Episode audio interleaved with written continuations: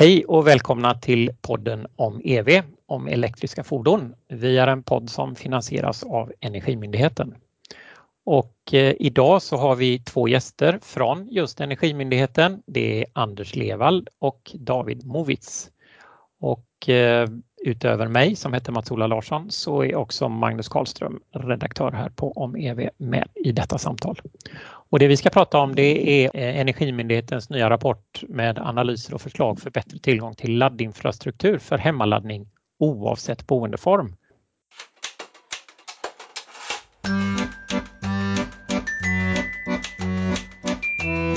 Och eh, om vi börjar lite grann eh, Anders Levald, personer som parkerar bilar i samfälligheter. Det här är ju något som Lantmäteriet har jobbat med men om ni bara kan lite översiktligt beskriva vad utredningen kom fram till. Ja, det kan jag säga. För det första ska man nog säga att det här uppdraget var i samverkan med Lantmäteriet, Boverket och SKR, Sveriges kommuner och regioner.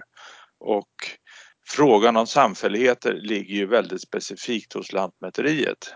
Så de har, gått, de har tittat på hela regelverket kring samfälligheter och den här utmaningen att, att man måste ha samfälligheten behöver ha, vad ska vi säga, frågan om laddning inskrivet i sitt, sin förrättning för att man ska kunna göra det här egentligen.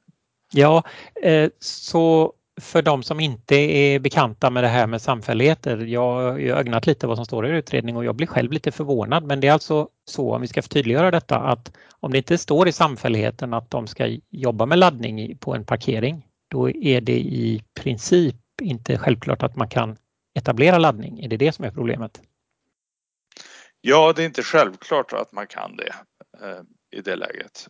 Förrättningen beskriver vad samfälligheten får syssla med och den får inte syssla med någonting annat egentligen.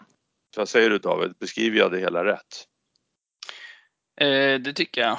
Eh, sen eh, om man, att man måste ha en förrättning, det är ju en sanning med modifikation. Man kan väl snarare vända på det och säga som så att om man inte har en förrättning och någon tar upp det här i domstol, då finns det en stor risk då att ja, att man, att man faller på det, att man får dels kanske ta bort eh, laddinfrastrukturen och sen att det kan komma eh, kanske fler påföljder också. För att vara säker på att det här är juridiskt hållbart så behöver man ju ha en eh, Ja, ha omprövat beslutet och, och se till så att laddinfrastruktur är inkluderat då. Man har kommit fram till att man kan söka om det här. Det är sannolikt att man får rätt att ha eh, en laddinfrastruktur när man söker. Det är också möjligt att söka även om man inte har en majoritet med sig i föreningen. Det är bedömt som en, en viktig fråga för samhället. Det, det, här är alltså ganska komplicerat men det här är någonting som, som eh, samfälligheter måste genomgå och samfälligheter är en vanlig form för, för boendeparkering. Även om man inte har statistik så låter det ändå som en slutsats om det här är att det är komplicerade regler. Det är väldigt många aktörer. Ofta sköts detta av personer kanske på fritiden. Man behöver juridisk hjälp som kostar pengar. Man behöver gå till en myndighet och göra en ny förrättning när man är lite osäker på hur man ska göra. Så själva, själva den situation vi beskriver nu eh, måste ju rimligen vara ett litet hinder oavsett om reglerna egentligen är skrivna så att det går att utföra. Eh, vilket jag förstår det som att Lantmäteriet kommer fram till att det inte i första hand nya regler som krävs. Alltså det är inte ett juridiskt hinder utan det är ett administrativt och kunskapsmässigt hinder. Är det ungefär så ni uppfattar det också när ni jobbar med detta? Jo, men det är absolut. Eh, det är ju. Det är, bara för att man har förtydligat regelverket så betyder inte det att det är enkelt eh, för aktörer. Det ska ju bli enklare och, och eh, Lantmäteriet jobbar ju parallellt i ett annat regeringsuppdrag om att förtydliga sin externa kommunikation kring det här till exempel. Ja just det, det finns till och med exempel i rapporten kan vi ju tipsa dem om som är intresserade av det här. Va? Som bilagor och så. Eh, Magnus, har du, eh, har du någon reflektion kring det här med hindrets storlek eller så när alltså du har suttit och lyssnat på våra experter från Energimyndigheten här? Nej, men man tycker ju på något sätt ändå att det borde finnas ungefärliga siffror på vilken storleksordning det är på hur många samfälligheter det finns i Sverige. Vad är, vad är liksom problemet att hitta den här statistiken? Ja, det, det, finns inte uppgifter helt enkelt på digitalt att få tag i, eh, gissar jag. Och det, är en, det är ett av de generella hinder vi har, vi har beskrivit i den här rapporten att det finns inte uppgifter på eh, alltså kombinationen av boendeform, eh, om man har parkering och i vilken form parkeringen drivs. Är det fastighetsägaren direkt som har parkeringen eller är det genom en samfällighet? Eller, eller finns det ingen? Alltså de här kombinationerna, det, det är uppgifter som inte finns i mm. samhället. Så, så, om vi ska bedöma en åtgärd inom en delsektor av allt det här så har, så har vi inget faktaunderlag till att säga att, att det är så här många som omfattas av problemet. Mm. Vi, vi har heller inte eh, uppgifter om, vad ska man säga, om om det utgör ett problem. Alltså man, kan, man skulle kunna tänka sig att alla, alla i alla samfälligheter i hela Sverige är överens om att det här ska vi ha. Då är det kanske inte mer än ett administrativt problem. Men vi kan också, vi kan också ha ett problem att det finns motstånd i, i samfälligheten. Men vi vet inte här heller hur, om problemet är stort eller litet egentligen.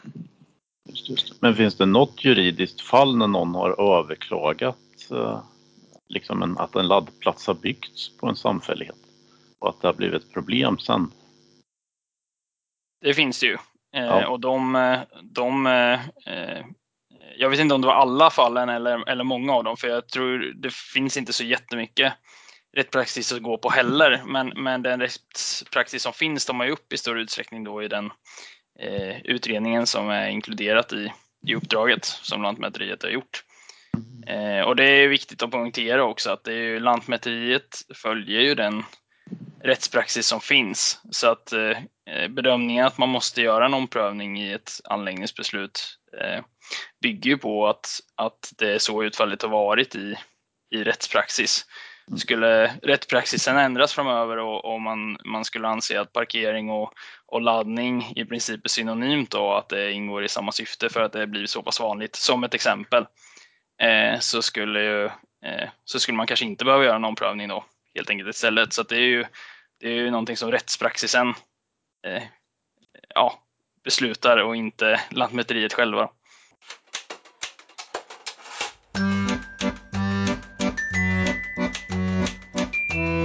Eh, det var en intressant och lite klurig fråga som ni tog upp i utredningen. En annan som ni har eh, varit och nosat på lite grann, det är den här rättigheten för den som parkerar att få tillgång till laddning. Right to charge eller right to plug som det heter på utrikiska eller eh, rätten till laddning som ni väl väljer att kalla det i rapporten tror jag. Vem av er, Anders eller David, kan ni berätta lite vad ni vad ni har jobbat med där och vad ni kom fram till. Eh, ska vi börja med det, här, Anders? Det vi har gjort är att vi har låtit kartlägga hur man har gjort i Norge, i Frankrike och i Spanien. Eh, och vi har fått, fått hjälp med det här. Det som ett underlag för hur man kan, kan, skulle kunna resonera senare i Sverige. Och det, det är egentligen i huvudsak så långt vi har kommit i rapporten. Vi kan se att det är ganska olika hur man har jobbat. I, i Norge jobbar man mot den motsvarighet, det som vi kallar bostadsrättsföreningar i huvudsak medan man i de andra länderna jobbar även mot eh, vanliga hyreslägenheter. Så man har valt olika målgrupp eller delvis samma målgrupp eh, och man har gjort det på ganska olika sätt. Så att, så att eh, det, är inte, det är inte ett entydigt regelverk. Men det betyder egentligen att vi kan plocka lite från olika delar beroende på vilka syften man skulle ha med motsvarande regelverk i Sverige då. Så det finns, det finns totalt sett lite av varje att hämta, uppfattar jag det som.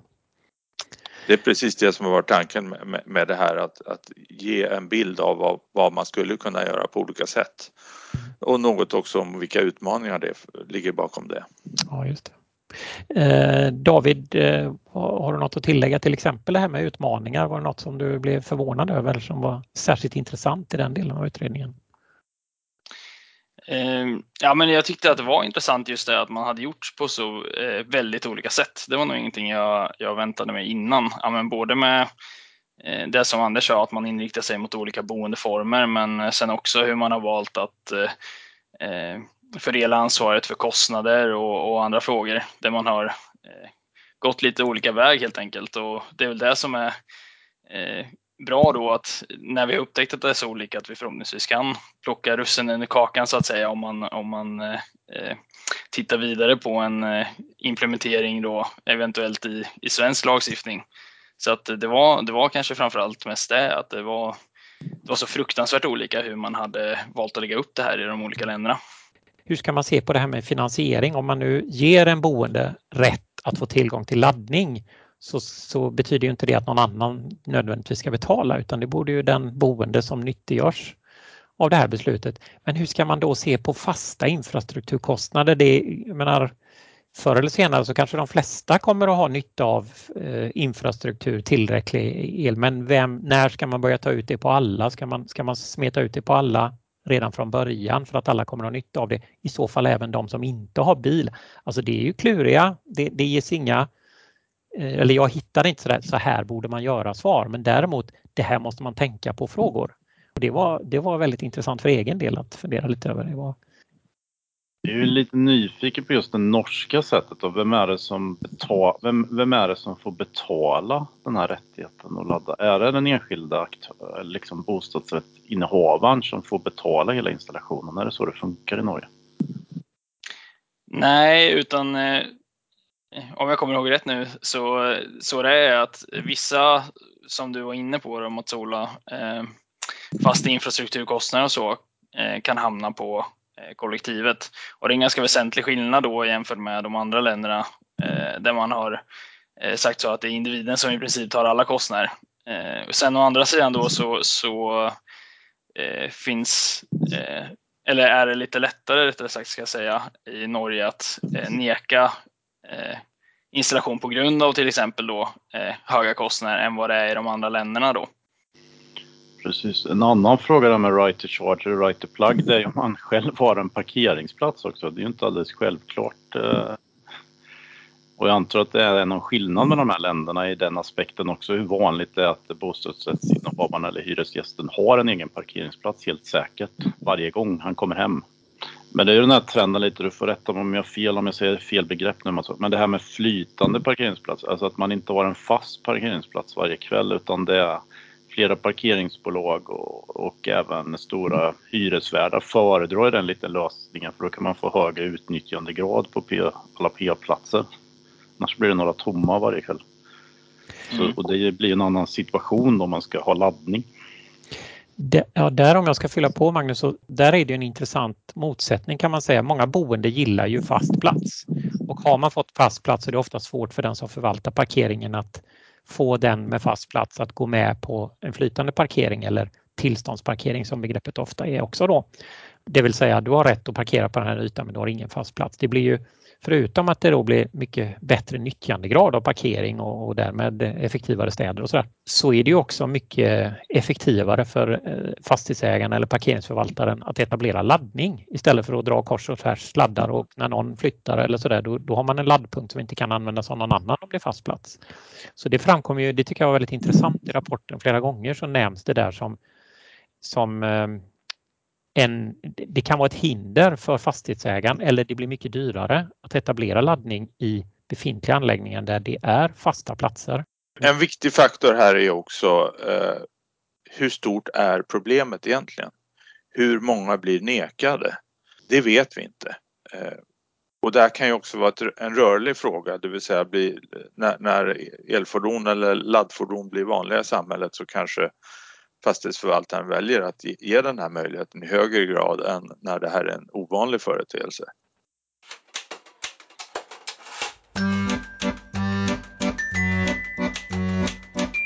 Hörni, jag tänkte vi skulle eh, skifta fokus lite grann och prata om eh, kommuner och kanske regioner. Men om vi börjar med kommunerna i alla fall, Anders.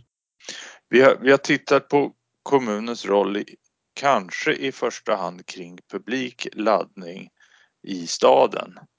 Eh, eller det hade, hade det fokuset. Sen har vi lagt till en kommentar om att kommunens roll är kanske i, i första hand att se att de som fastighetsägare, i det fallet de är det, eller, eller ägare av ett parkeringshus eller något sånt, ser till att det finns laddinfrastruktur där.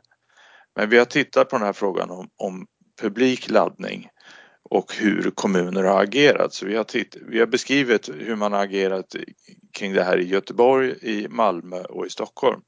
Och det är lite olika hur man jobbar med, med frågan och det finns beskrivet. Vi har också tittat på vilka utmaningar som kan finnas kring att ta betalt för el och skyltning och annat. Och det, det, är inte egentligen några jätteproblem kring det här. Det finns, det finns mindre justeringar och sånt man behöver göra. Men eh, det, det man kan säga grundläggande är att det är dyrt att anlägga laddinfrastruktur i gatumiljö. Och det återspeglar sig i att det kostar rätt mycket att ladda där i allmänhet. Och det är en utmaning som, som vi beskriver men som vi inte riktigt har en, vi har ingen strategi eller så för det. Kommer ni att jobba vidare med den frågan? För jag vet att, eh, jag, jag tror mig veta åtminstone, att många kommuner efterfrågar, det kommer att vara ett större tryck på kommuner att ha strategier även kring de här lite dyrare och krångligare lösningarna. Eh, kommer ni att jobba vidare med den frågan eller finns det någon annan aktör som ni upplever gör detta eller blir det upp till enskilda kommuner att jobba med detta mer på egen hand, tror ni? Vi har ju föreslagit att vi vill jobba vidare med informationen. Eh, eh information till olika målgrupper där, där eh, Eh, kommuner är en sån. Så att på det sättet så, det är ju en del av, av en strategi såklart. Eh, och sen, sen tidigare, men det, det har ju inte med uppdraget att göra, men sen tidigare så utbildar vi ju energi och klimatrådgivare i kommunerna och så vidare. Eh, så att eh, på så sätt så eh, jobbar vi mycket med information. Det vi har gjort är att beskriva goda exempel eller, eller eh, exempel på olika eh, kommuner har arbetat med det, men vi har inte tagit fram någon masterplan på det sättet. Mm. Har du något att lägga till om det här med kommuner och kanske regioner, Anders? Ja, det man kan säga är att kommunen måste, alla kommuner måste själv bestämma hur de ska jobba. Så, så, förhoppningsvis är det här ett stöd, det underlaget vi har här, där man kan se på hur, hur olika kommuner har jobbat hittills. Det är inte säkert att det kommer se ut så framåt. Det kanske finns andra sätt att bearbeta frågorna på och, och det är därför som det här med en, en kontinuerlig informations vad ska jag säga, hubb eller vad man nu ska kalla det, en informationsansats skulle kunna vara bra. För att utvecklar sig det här åt olika håll så kan det vara bra att förmedla det. Men Just. kommunen har ju sitt ansvar och det är beskrivet, beskrivet rätt tydligt här och de måste bestämma sig för vilken form, om de ska jobba aktivt så måste de bestämma sig vilken form de ska jobba vi har, nu har vi pratat om tre viktiga grejer som ni tar upp här i utredningen. Är det något mer viktigt ni vill ta upp? Vi förstår ju det är flera hundra sidor. Det är klart att det står mer än det vi har hunnit prata om idag. Men är det något viktigt som vi har hoppat över? Anders, om jag börjar med dig.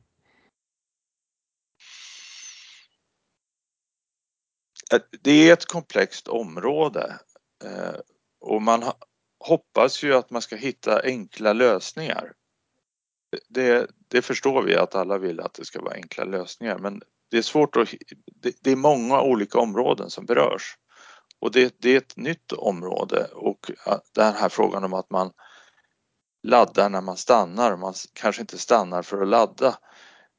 Det, det är helt nytt eh, för samhället och att, att man laddar, att det är så betydelsefullt att man laddar i fastigheter.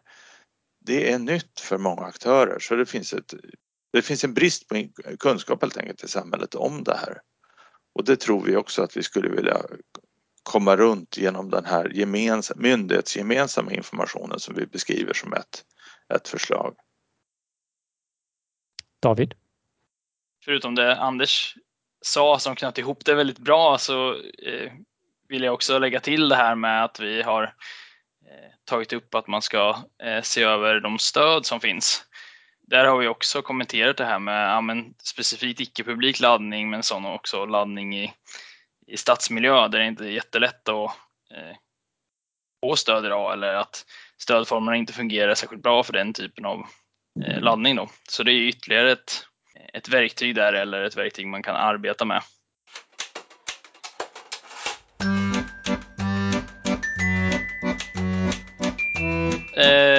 Jag skulle vilja ta upp eh, att vi har ett förslag om eh, eh, att undersöka hur tillgängligheten till laddinfrastruktur kan säkerställas.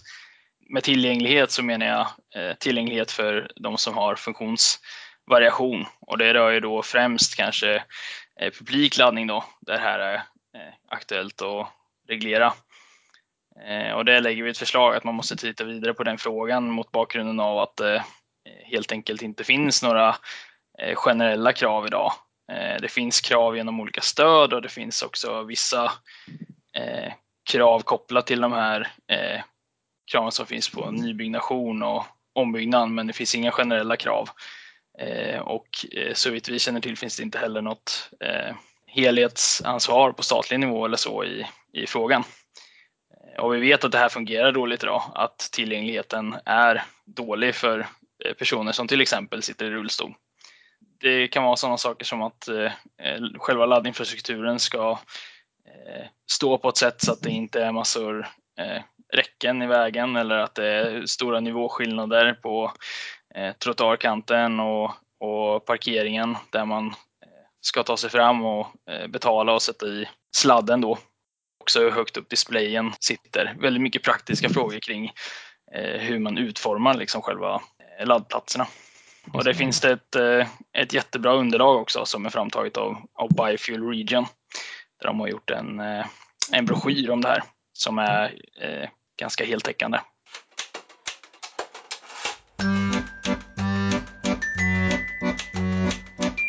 Ehm, Magnus, det finns ju ett par eh, aktuella frågor även på EU-nivå.